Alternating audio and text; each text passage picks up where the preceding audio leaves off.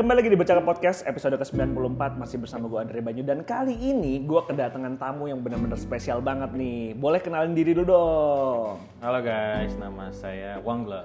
Nah, buat temen-temen yang pengen tahu siapa sih One Glove ini, jadi gue main drone itu dari awal 2013, 2012 lah mungkin. Dan orang pertama yang memperkenalkan gue ke drone adalah si Mr. One Glove ini. Dulu awal-awal masih pakai Phantom 2 om ya. Phantom. Masih ada GoPro nempel di bawahnya ya. Yep. Wah. Nah, eh, kalau misalnya ngomongin tentang drone nih om, Yep. eh, lu kan sekarang udah beralih ke FPV nih. FPV Boleh racing. tahu nggak sih kenapa lu beralih ke sana? Sebenarnya bukan beralih sih, masih juga mainin aerial, ada masih punya Mavic, DJI Mavic yang buat aerial foto atau video.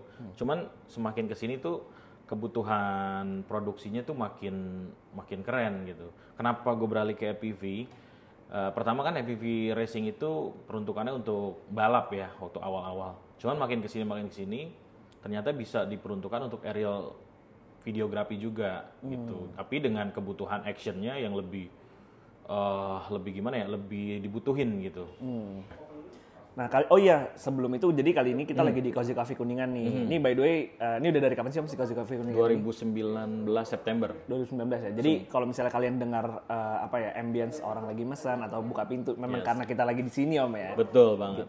Nah oke, eh, thank you nih om penjelasan atas FPV. Cuma Yap. karena gue di sini eh, apa ya namanya, lu kalau pertanyaan FPV lu pasti semua bisa bisa jawab gampang. Iya gitu. iya iya. Gue kan nanyain hal-hal yang memang Iya dong, gue mau yang ditanyain oke, oke, kayak oke. kalian sering tanyain dong. Oke, jadi gue akan menanyakan hal-hal yang di luar zona nyaman lu lah. Waduh. Zona nyamannya dia kan FPV dan dunia perdronan nih. Alright, alright. Sekarang eh, kemarin gue bikin stories di tempat bercakap dan Oke. teman-teman siapa pun yang mau nanya boleh. Nah, kali ini ini udah masuk nih pertanyaannya. Jadi pertanyaan yang akan gue pilih. Serius nih, udah mulai serius. Udah mulai serius.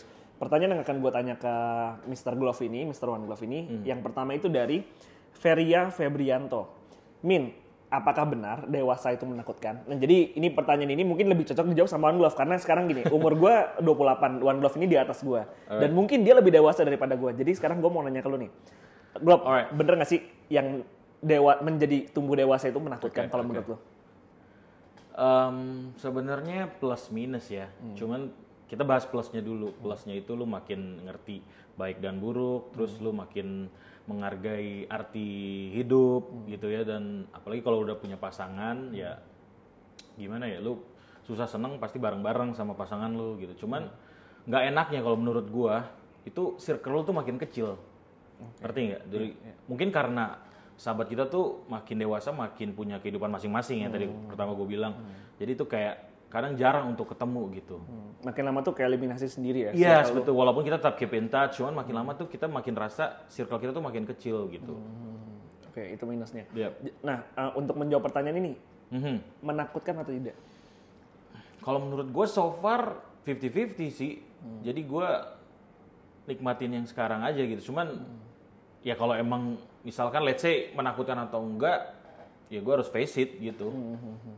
Nah, untuk menjawab pertanyaan ini sebenarnya ada satu konsep. Jadi Oke. ada satu eh, fobia, kronofobia. Oh oke. Kronofobia itu adalah ketakutan seseorang akan masa depan. Hmm. Oke. Di mana ya eh, semakin ya? ke sini, Aha. semakin banyak orang-orang yang memiliki kronofobia ini. Hmm. Kenapa? Karena semakin eh, menurut gue sih salah satunya perannya adalah media sosial. Oke. Jadi media sosial tuh ngasih tahu bahwa tumbuh eh, dewasa tuh semakin takut, semakin sakit, semakin susah. Oh iya, macam macam kayak lirik lagu ya. Iya, takut tambah dewasa gitu kan. Nah, apalagi sekarang juga kita dihadapkan dengan permasalahan-permasalahan yang ada eh, di dalam era digital ini. Ter- Nggak cuma itu, cu- eh, masalah-masalah dalam kehidupan sehari juga kayak contohnya BBM naik, harga-harga segala macam makin naik. Itu kan membuat orang semakin takut. Nah, makanya semakin ke sini sebenarnya semakin banyak orang-orang yang eh, memiliki fobia ini Benar, gitu. benar, benar. Meskipun fobia ini harusnya difonis sama dokter. Oke. Cuma secara konsep gue melihat banyak orang yang ta- semakin dewasa itu semakin takut gitu. Mungkin ya Hmm. pertanyaan ini juga memicu dia untuk bertanya kayak apakah cuma gue yang takut sama masa depan? Benar, benar, benar. Gue kalau misalnya ditanya ini apakah menjadi dewasa itu menakutkan? Ya secara subjektif gue bilang iya. Yes, Tapi secara objektif gue harus melihat bahwa ya kita lo bilang tadi kita Iya. harus menghadapi itu. Menghadapi itu. Kalau kita nggak menghadapi itu kita nggak akan mungkin bisa hidup gitu loh. benar. Gus, oke pertanyaan pertama selesai. Kita ke pertanyaan ke- Phew. kita ke pertanyaan kedua. Makin tegang ya. Iya, kita pertanyaan dua. Dan Oke. ini pertanyaan sangat simpel, cuma gue sendiri menjawab pertanyaan ini susah. Pertanyaan ini dari Vito Riapi. Oke. How to be happy, simple banget. Bagaimana caranya untuk bahagia? Nah, sebelum lo jawab, Om, nah, sebelum lo jawab, kita mungkin Oke. biar sama dulu nih Betul, persepsinya. betul, ya. betul, betul, betul. Apa sih bahagia? Kita ngambil bahagia dari KBBI Oke. aja. Jadi apa? Tapi ini bukan patokan ya, karena bahagia Bukan, setiap bukan. orang Beda-beda, beda-beda ya. beda-beda. Oke, ini Kita kan sebagai ngambil- Oke. Eh, apa ya namanya? Indikatornya dulu. Oke, Nah, bahagia itu kayak gimana sih? Gen- generalnya ya? Generalnya. Oke. Mhm. Jadi arti bahagia ya. Keadaan atau perasaan senang dan tentram. Artinya yang bebas dari segala yang menyusahkan. Nah, berarti untuk menjawab pertanyaan itu gimana Om? Bagaimana cara lu untuk bahagia? Versi gua atau versi, Versi lu, pedoman versi yang ada Versi tadi? oh, versi versi gua ya? versi iya. Hmm. Versi gua bahagia ya? Aduh, sedikit sedikit sebenarnya membingungkan ya karena Hmm.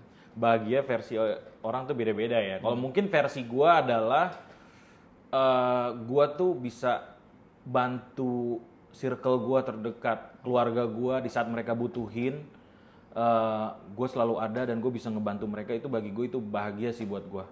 Berarti ternyata gue bisa membahagiakan gitu sekitar karena dengan mereka butuh kita bisa itu membuat bahagia gue dan circle gue sih. Oke, oke, oke. Nah, ini ada satu pertanyaan yang pertanyaan ini sebenarnya agak kontradiktif nih Om. Agak Hmm. Hmm. susah, gue juga jawab agak susah. Lo lebih pilih mana? Oke. Ngebahagiain diri lo sendiri Oke. atau ngebahagiain orang-orang yang ada di sekitar lo? Orang-orang yang lo sayang gitu maksudnya. Alright. Jadi lo bahagian diri lo sendiri dulu atau mereka dulu? Em, kalau gini ya, karena gue sudah berpasangan gitu istilah gue udah punya istri jadi gue sama istri gue tuh selalu terapin kita harus bahagia tuh bareng-bareng sama circle gue terutama keluarga jadi kalau keluarga bahagia kita pasti juga bahagia. Sama kayak halnya bini gue bahagia gue pasti bahagia juga. Gue bahagia bini gue juga pasti bahagia. Oke. kayak gitu sih. Iya, iya. jadi sebenarnya eh, nyambung aja sih, maksudnya di saat lu bahagia, cuman kayak keluarga lu tuh ada yang nggak nggak nggak happy gitu ya istilah gue percuma juga gue bahagia gitu kalau lihat keluarga terdekat itu atau teman terdekat terus kesusahan gitu kayak kayak nggak worth it bagi gue Nanti tingkat kebahagiaannya berkurang pasti kalau gitu. Om, betul ya. betul Lo kayak kayak gue kayak senang senang sendiri gitu jadi gue gua sama istri gue tuh nerapin kalau kita bahagia kita harus bahagiain bareng bareng juga gitu Nah, setidaknya orang-orang terdekat dulu. betul betul orang terdekat dulu Iya, iya, gue setuju, gue setuju.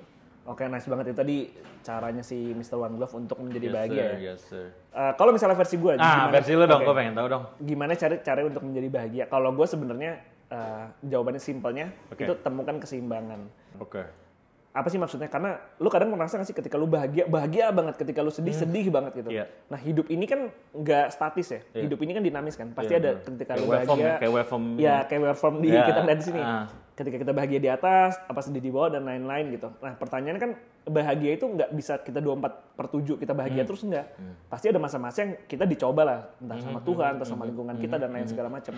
Jadi cara untuk kita bahagia adalah eh, temukan keseimbangan tadi gitu. Hmm. Dan gimana cara lu nemuin keseimbangan tadi kan? Cara orang macam-macam. Yup. Ada yang beribadah. Iya, benar. Jadi ada yang Ada dari yang emo- healing. ya, ada yang emosionalnya sama spiritualnya itu Yes. kan kadang-kadang nggak imbang kan. Iya, benar. Kalau bahasa kerennya itu dunia duniawi sama surgawinya itu Iya, nggak imbang. iya, nggak balance tuh. Menurut gue happy itu adalah ke titik keseimbangan itu om. Hmm. Jadi kalau di dalam ekonomi itu ada yang disebut dengan Pareto optimum. Itu tuh tingkat apa ya? Itu bertemu di antara kemampuan lo sama kebutuhan lo. Oh, oke.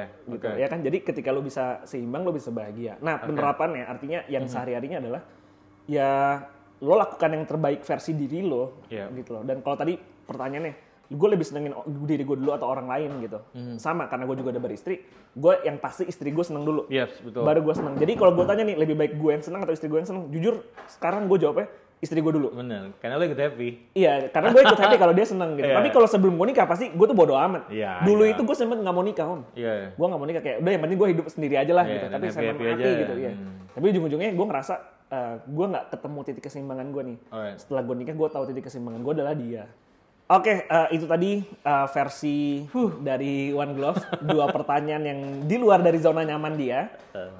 Ver- dua pertanyaan lagi akan kita tanyakan di dalam episode berikutnya. Kita sedikit aja kisi-kisi berikutnya kita akan ngomongin tentang selingkuh. Ya yang lagi yang lagi hype banget nih. Mungkin dari One Glove kita bisa dapat perspektif baru nih. Oke, itulah tadi bercakap podcast episode ke-94 bersama saya Andre Banyu dan One Glove TV. Andre Banyu sign out dan One Glove sign out. Kita sampai jumpa di episode 95. Goodbye. Bye.